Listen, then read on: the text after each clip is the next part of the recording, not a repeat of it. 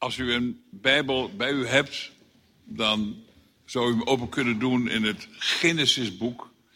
Dat moet te vinden zijn. Ik heb een tekst uit het eerste Bijbelboek en ik heb een tekst uit het laatste Bijbelboek.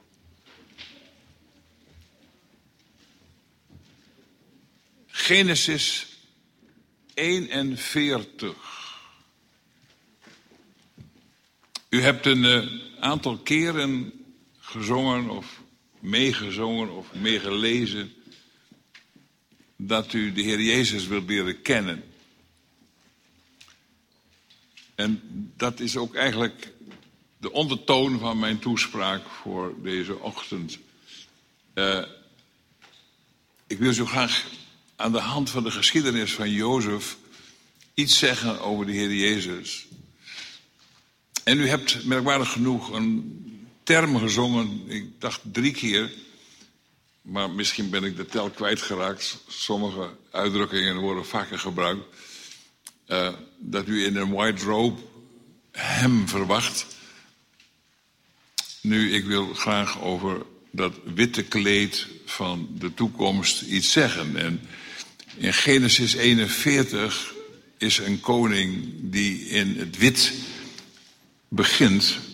En in het laatste Bijbelboek is er een bruid, een vrouw bij de koning, die in het wit verschijnt. Dus dat, die uitdrukking white robe krijgt misschien een beetje glans of inhoud, zo u wilt. Genesis 41, vers 38. Daarom zei de farao tegen zijn dienaren: Zouden wij ooit iemand kunnen vinden als deze man, in wie de geest van God is? Daarop zei de farao tegen Jozef: Aangezien God u dit alles heeft bekendgemaakt, is er niemand zo verstandig en wijs als u. U zult zelf over mijn huis gaan en heel mijn volk zal uw bevel eerbiedigen. Alleen wat de troon betreft zal ik meer aanzien hebben dan u. Verder zei de farao tegen Jozef: Zie, ik stel u hierbij aan over heel het land Egypte. Toen nam de farao zijn ring van zijn hand en deed hem aan Jozefs hand. Hij liet hem kleren van fijn linnen aantrekken, een white robe. En hing een gouden keten om zijn hals. Hij liet hem rijden op de tweede wagen die hij had en ze riepen voor hem uit: Kniel! Zo stelde hij hem aan over heel het land Egypte. De farao zei tegen Jozef: Ik ben de farao, maar zonder uw goedvinden zal in heel het land Egypte niemand zijn hand of zijn voet optillen. En de farao gaf Jozef de naam Zafnat Paanea. Dat betekent redder van de wereld.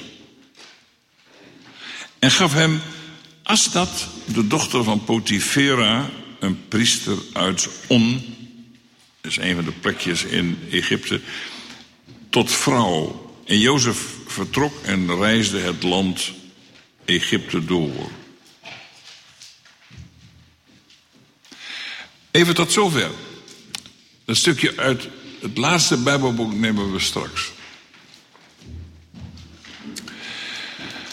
Ik weet niet of u gewend bent aan typologie. Moeilijk woord. Dat betekent dat personen, gebeurtenissen, geschiedenissen een type zijn van iets anders. Daar is vroeger in de kerkgeschiedenis al heel veel gedoe over geweest. Er zijn zelfs momenten geweest dat iemand, een prediker, die typologie bedreef, die zei dat Jozef een type van de Heer Jezus was, dat hij uit zijn ambt werd gezet. Nog niet zo lang geleden belde een uh, jonge predikant me op en zei het volgende. Zes jaar lang heb ik gestudeerd daar en daar, universiteit. En zes jaar lang heb ik gehoord zeggen dat je geen typologie mocht bedrijven en dat je niet achter elke boom de Heer Jezus mocht zien. Natuurlijk sla je dan door in zo'n uitdrukking. Nu was hij predikant geworden en een van zijn onderhorigen had hem wat toespraken van Dato in zijn maag gesplitst. En daar heeft hij kennelijk naar geluisterd en nu belde hij op. Ik zie nu achter elke boom de Heer Jezus, zei hij. Totaal omgedraaid. Ik weet niet of ze vroeger deze dingen ook hadden. Ik weet alleen dat er in Jeruzalem ongelooflijk veel Torah-scholen waren. Vroeger ook al. Nu nog, hele rijen. Nou ja, minstens zoveel als kerken hier in deze streek. Dat is best veel. In elk geval was daar één Torah-school vroeger.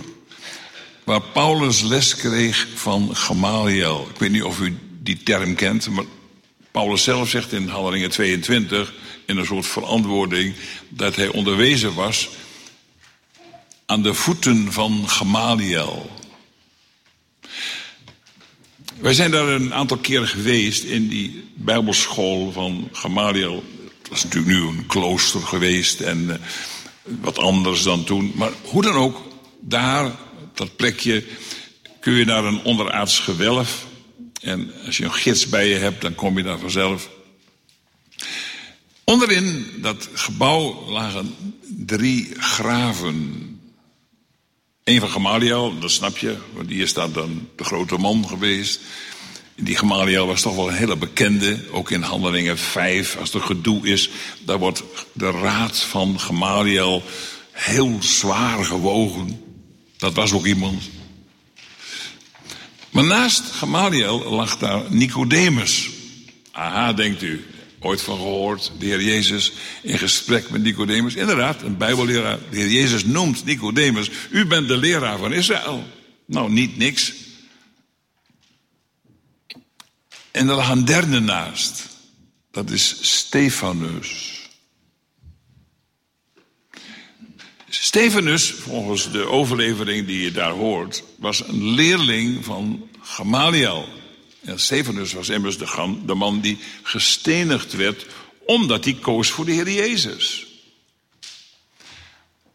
En toen hebben vrome mannen, godvruchtige mannen, Stefanus naar zijn graf gebracht. Daar, vlak bij Jeruzalem. Nog een connectie. Paulus zegt, ik ben onderwezen aan de voeten van Gamaliel. Stefanus, volgens de traditie, was een leerling van Gamaliel. Dat is de reden waarom toen Stefanus gestenigd werd, de mensen hun kleren legden aan de voeten van ene zekere Saulus, zo heette die toen nog. Ineens valt dat allemaal op zijn plek. Wat ik nu naartoe wil is de Torah-school, Torah, vijf boeken van Mozes, de wet, maar het is meer dan alleen maar de tien woorden. Die Torah-school van Gamaliel heeft iets opgeleverd. Toen Stefanus geraakt is geweest door het evangelie. Ik weet niet of dat in jouw eigen leven ook gebeurd is. Of er ooit een moment is geweest dat je echt geraakt werd, aangesproken werd door wat God te zeggen had. En God wil ook vandaag tegen jou, tegen ons allemaal zeggen dat Hij liefde is, dat Hij genade geeft, dat Hij zegen geven wil, dat Hij zijn eigen zoon naar deze aarde heeft gestuurd om jou en mij gelukkig te maken. Maar er moet een moment komen dat je dat ook accepteert. Dat je dat toelaat in je hart en je denken. En dat je de consequenties daarvan ook pakt. De consequenties zijn wat de toekomst betreft super. Een schitterende toekomst ligt voor je. Met niets te vergelijken. Maar de zegen van vandaag is ook gigantisch. Dat kan ik je verzekeren. Ik loop er een paar jaar mee. Maar ik heb er geen spijt van. Ik kom uit de gereformeerde hoek. Ik heb wel van de Heer Jezus gehoord. maar, maar, maar, niemand heeft me ooit gezegd dat ik de Heer Jezus ook mocht aannemen als mijn heiland, als mijn verlosser. Dat is later gebeurd. En ik ben nog dankbaar voor wat er toen is gebeurd in mijn eigen leven. Ik weet niet waarom je hier zit vanmorgen. Maakt ook niets uit. God weet het wel. Je komt niet zomaar ergens. Is geen toeval bij God, bestaat niet. Je bent hier om misschien vandaag die man met dat, uh, die white robe, met dat witte kleed, met die witte kleren te leren kennen. Dat zeg ik niet zomaar. Want in de Bijbel, ik wil geen Bijbelles geven, wordt, wordt misschien te veel voor je op deze zondagochtend. Nou ja. Het is buiten ook niet alles vandaag. Misschien is gaan we iets langer door. Een beetje bijbelstudie. Heb je van de regen ook geen last.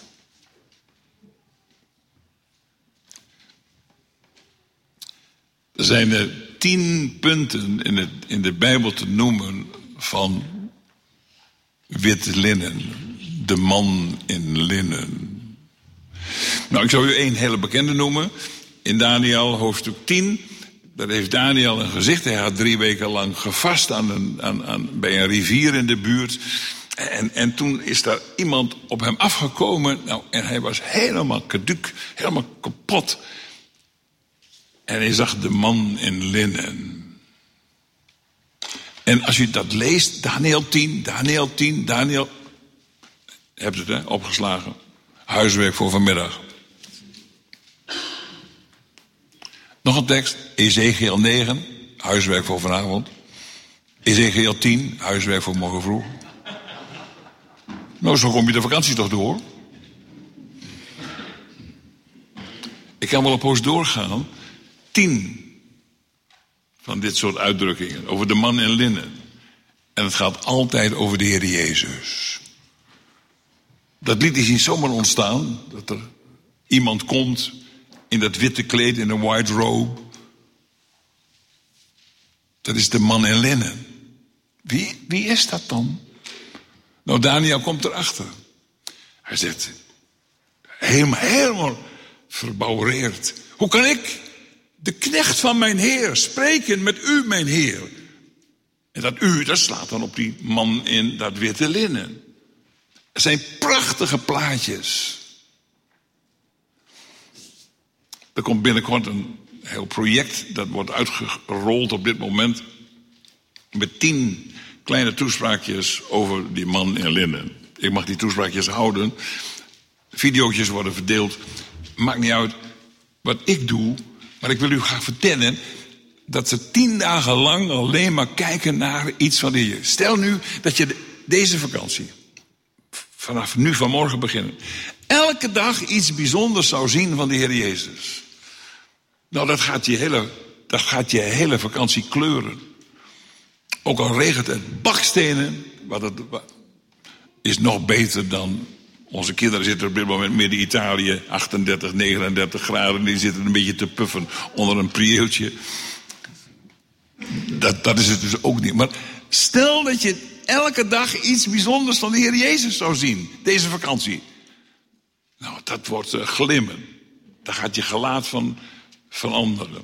Daniel, weet u wel, die kwam daar aan het hof bij Nebuchadnezzar. En die Nebuchadnezzar schreef voor welke wijn ze mochten drinken en welk eten en welk voedsel ze kregen. En toen heeft hij gevraagd, hij was bang dat het niet koosje zou zijn. Mag het ook anders? Ze hebben tien dagen een proef gedaan, zegt Daniel hoofdstuk 1. En die tien dagen proef leidde ertoe dat Daniel aan het eind van de route samen met zijn vrienden, er beter uitzagen dan al die anderen die van de koninklijke maaltijden hadden genomen, en genoten misschien. Als u tien dagen lang elke dag iets bijzonders over de Heer Jezus hoort, verander je. Dat geloof ik stellig. Mijzelf. Ik hou van de Heer Jezus.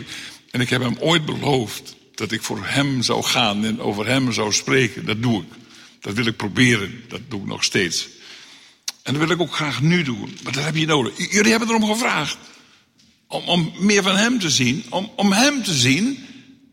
En uw samenkomst is toch niet voor uzelf, het is toch voor hem, om hem te zien. Dat verandert je.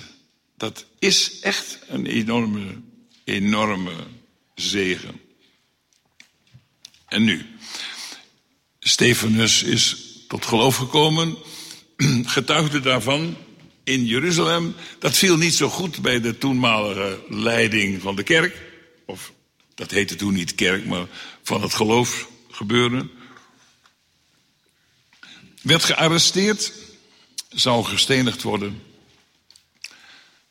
Ik heb het al gezegd. En dan zegt die Stefanus: jullie, jullie moeten eens even naar mij luisteren.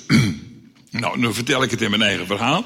Ik, ik zat op school bij Gamaliel. Zo zou Paulus gezegd hebben. En in de school van Gamaliel hebben we geleerd dat Jozef.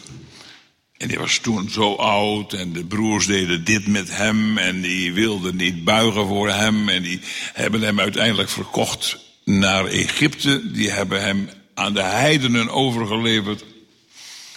Ze wilden hem doden, maar dat mocht niet. Dat deden ze niet. Nou, dat is precies wat er met de Heer Jezus is gebeurd. Ze hebben naar hem geluisterd en ze hebben hem gearresteerd. En ja, toen wilden ze hem graag doden, maar ja, dat mochten ze niet doen. Dat, dat, mocht alleen de Romeinse bezetter doen toen, toen de Heer Jezus hier op aarde was. Precies het andere verhaal. En als je één keer die sleutel hebt, dan blijkt alles te passen. Ineens gaat de deur helemaal open. Blijft niet uit. Jozef naar Egypte verkocht. In de gevangenis, ook onterecht.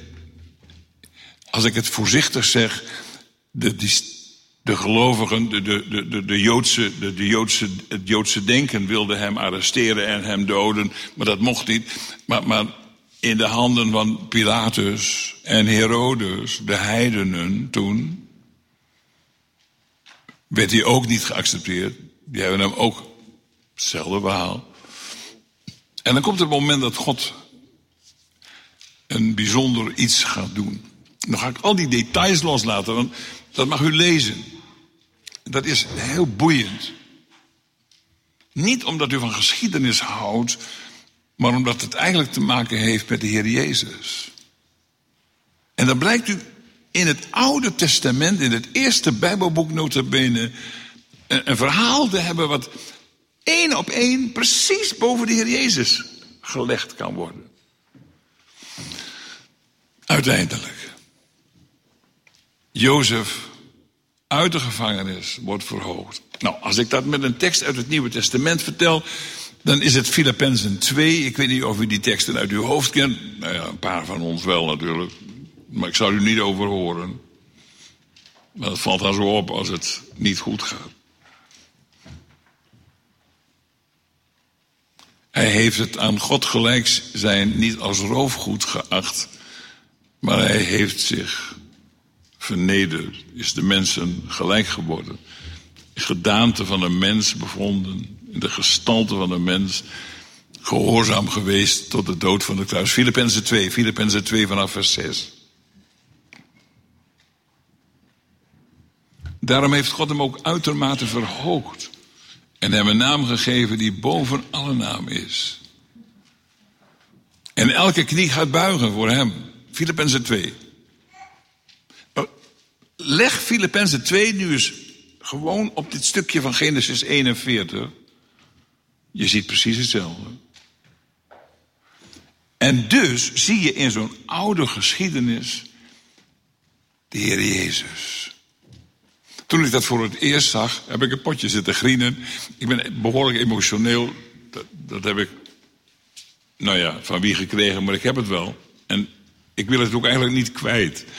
Ik vind het zo mooi dat de Heilige Geest je kan aanraken en je een por kan geven, waardoor je geraakt wordt. En misschien wel door een lied, of door een tekst, of door een gebeurtenis, zo aangesproken wordt dat je het niet meer kwijt wilt.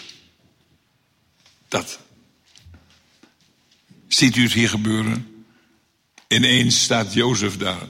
Niet meer in de gevangeniskledij, niet meer onderin in het cachot, maar ineens met een ring aan zijn vinger, met een gouden keten om en met prachtige linnen gewaden. Een man in het linnen, in een white robe. Ineens staat hij daar, helemaal. En dan krijgt hij ook nog een vrouw. Nou, dan moet u maar een keer slikken van mij. Maar dat is misschien wel een van de allerduidelijkste beelden van wat er met de Heer Jezus is gebeurd. Toen Israël, toen Juda, de twee stammen, want Juda wordt ook wel eens zo genoemd.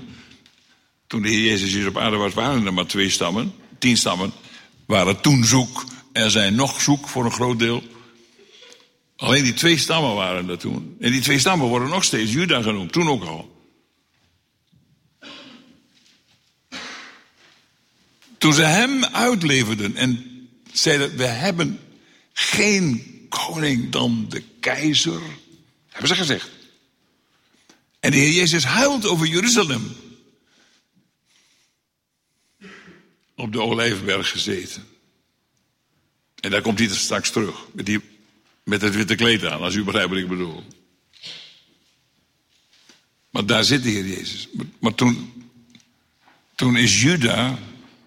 Nou wordt het ingewikkeld. Ik weet niet of u ooit doorgedacht hebt over de hoofdstukken in Genesis. Maar Genesis 37 is het verhaal van Jozef. Weet je wel, dat de broers nog niet buigen, of wel buigen. En dat ze hem willen verkopen. Dat is allemaal gebeurd in één hoofdstuk.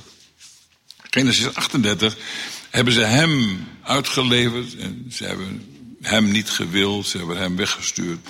Verkocht in de handen van Midianieten. En die hebben hem naar Egypte gebracht. En dan gaat Juda moet u ooit een keer lezen. Ineens bij de broers weg. Het verhaal van Jozef is dus hoofdstuk 37 van Genesis. En in 38 geen woord over Jozef. Nul. Helemaal niks. Maar wel dat hij Juda weggaat. Gaat klungelen met Tamar. Ik weet niet of u die geschiedenis kent. Nou, probeer het eens. En pas als Juda zegt: Sorry, het was mijn fout, gaat het verhaal van Jozef in hoofdstuk 39 verder. Alleen al die, die sleutel, moet je een keer proberen te pakken. Toen de Heer Jezus hier op aarde was, toen hebben ze hem uitgeleverd. En toen is hij naar de volkeren, naar de heidenen. Toen is hij naar Ommen gegaan. Laat ik maar, maar heel populair uitdrukken. En toen wilde hij jou en mij aanspreken. En wanneer komt hij terug voor Juda, voor Israël? Als ze zeggen, sorry, dat was fout van ons. Dan komt hij terug. Waar komt hij dan terug? Nou, weer op de Olijfberg. Dat is echt zo. Dat is misschien heel moeilijk voor je als je dat nooit hoorde. Maar ik wil zo graag duidelijk maken dat in die geschiedenis van Jozef zo'n prachtige duiding zit voor wat nog komt. Het is magistraal, echt. En als je dan echt een, een soort bewijs wilt hebben dat de Bijbel niet zomaar een boek is, niet met eh, weet ik veel hoeveel schrijvers die wat verzonnen hebben of uh, bij elkaar geraapt zijn. Nee, het is, dit is, het, het is geïnspireerd Ah, die termen die hoorde u vroeger. De Bijbel, ja, dat was het geïnspireerde, geïnspireerde woord van. Door de Heilige Geest gedreven hebben heilige mannen van God gesproken. Zegt de Bijbel zelf van de Bijbel. Zou u vandaag misschien nog een keer naar dat kleine stukje van Genesis 41 willen kijken en willen zeggen, ja, en toen kreeg Jozef een vrouw. En die vrouw, die vergezelde hem. Die completeerde hem. Die was er ook bij toen de broers later door honger gedreven, door de hongersnood gedwongen, daar om voedsel kwamen praten. hebben ze gegeten in het huis van Jozef. Zo was Jozef ineens samen met een vrouw. Probeert u nu dus eens het keer te zeggen. Wie is die, die vrouw dan vandaag? In type, in beelden. Wat bedoelt is een vrouw uit de heidenen? Ik zal het vandaag anders zeggen. Dat zijn jullie. Als je gelooft in de Heer Jezus. Een bruid uit de heidenen. Want u koos voor die verworpen heiland. U koos voor die die daar destijds miskend gekruisigd werd. Maar u zegt dat was om ons te redden. Dat was om ons gelukkig te maken. Dat was om ons voor altijd blij te maken. nu ga ik naar het tweede tekst. Laatste Bijbelboek. Openbaring 19.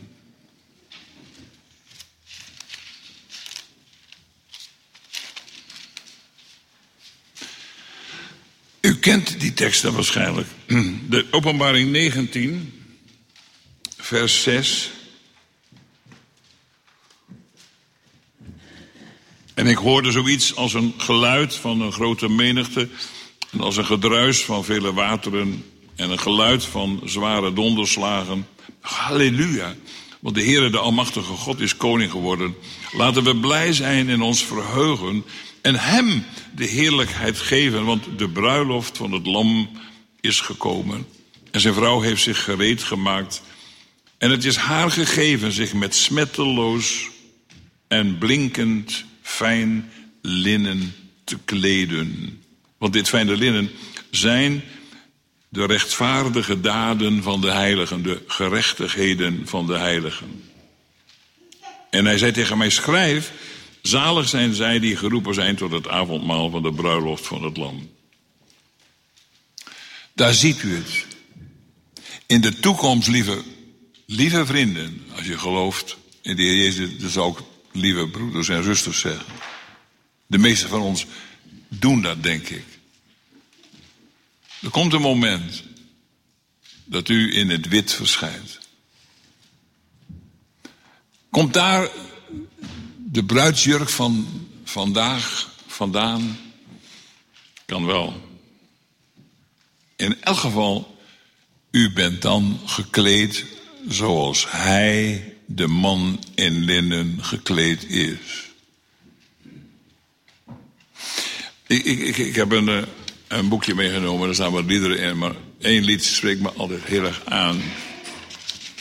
Dat wil ik je voorlezen. is een couplet, is een gedicht. Uw lichtglans zal uw bruid bestralen, dus dat gaat over de Heer Jezus.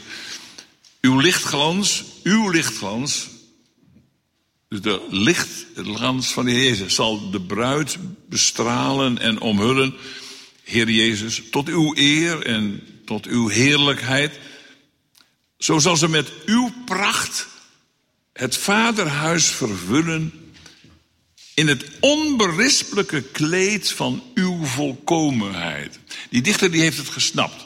Er komt een moment dat in het vaderhuis de Heer Jezus daar schittert. De man in linnen ten volle, zoals Jozef al liet zien. Maar dat de bruid in hetzelfde tenue staat. U staat in zijn kleur, in zijn heerlijkheid, zijn glorie. Dat wat hem zo specifiek maakt, zo bijzonder maakt, dat hebt u ook. Want u gelooft in de Heer Jezus en hij verbindt zich dan met u en met mij. En dan gaan ze samen zegen brengen.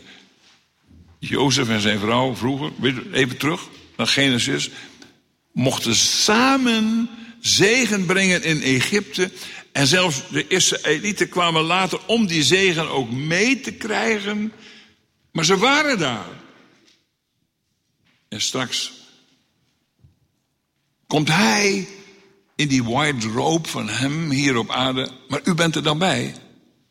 Want u gaat met hem regeren, met hem heersen. U gaat met hem zegen verspreiden. U gaat met hem uitdelen. En dat is nu precies wat je vandaag als norm zou moeten hanteren voor je gedrag en voor je houding hier in deze wereld.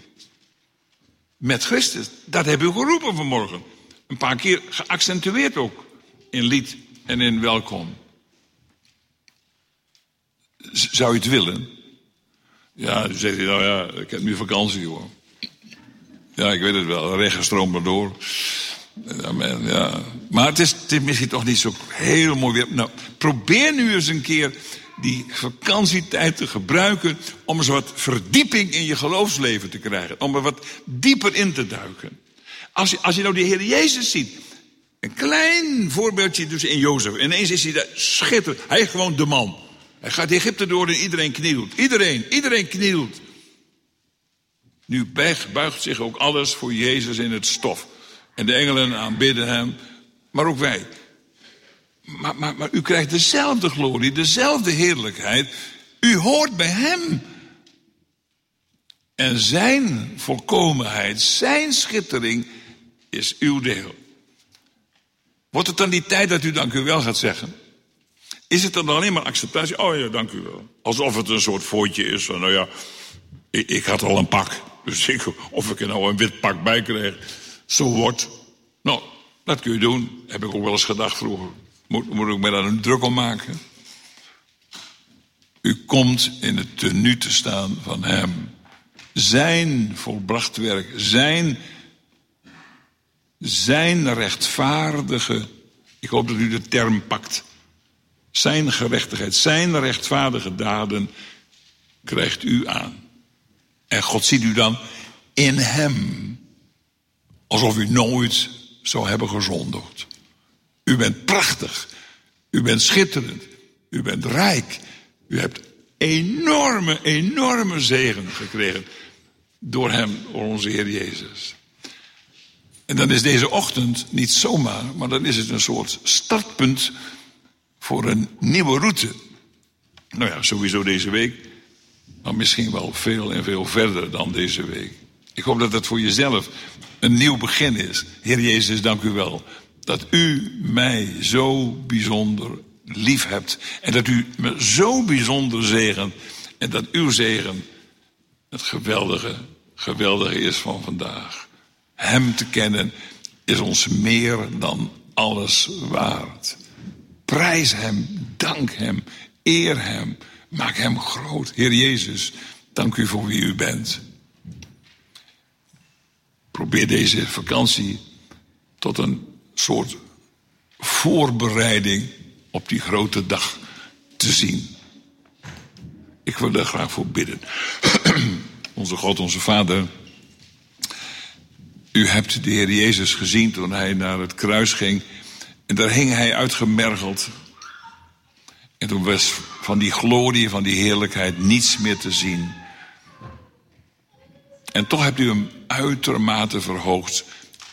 Toch hebt u hem een naam gegeven boven alle naam. Zoals Jozef in Egypte een andere naam kreeg. Ineens Zafnat Panea werd genoemd. Redder van de wereld. Heer Jezus, dat bent u.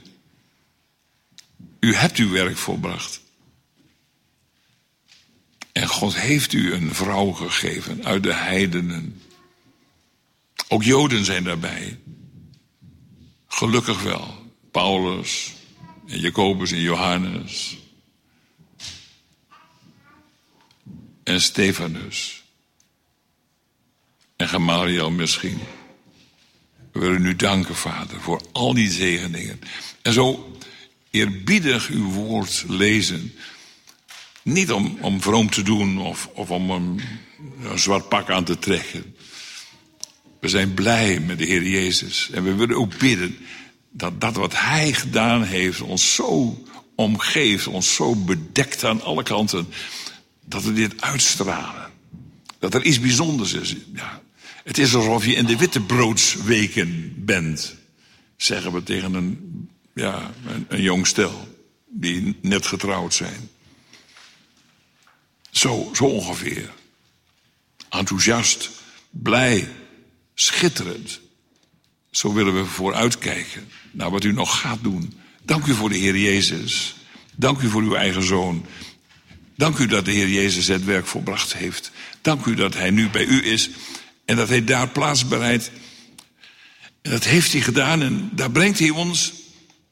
En daar vindt de bruiloft van het lam plaats. En ja, daar zullen we in zijn heerlijkheid, in zijn kleur, in zijn white robe, om dat, die term weer te gebruiken, in zijn kleren verschijnen. Dank u wel voor de toekomst. We prijzen uw naam en danken u ook voor dit moment. We danken u voor elkaar en we bidden voor elkaar dat uw zegen ons zo omreef, omgeeft en omringt en aan alle kanten bijzonder gelukkig maakt. Deze dag, deze week, tot uw eer. Amen.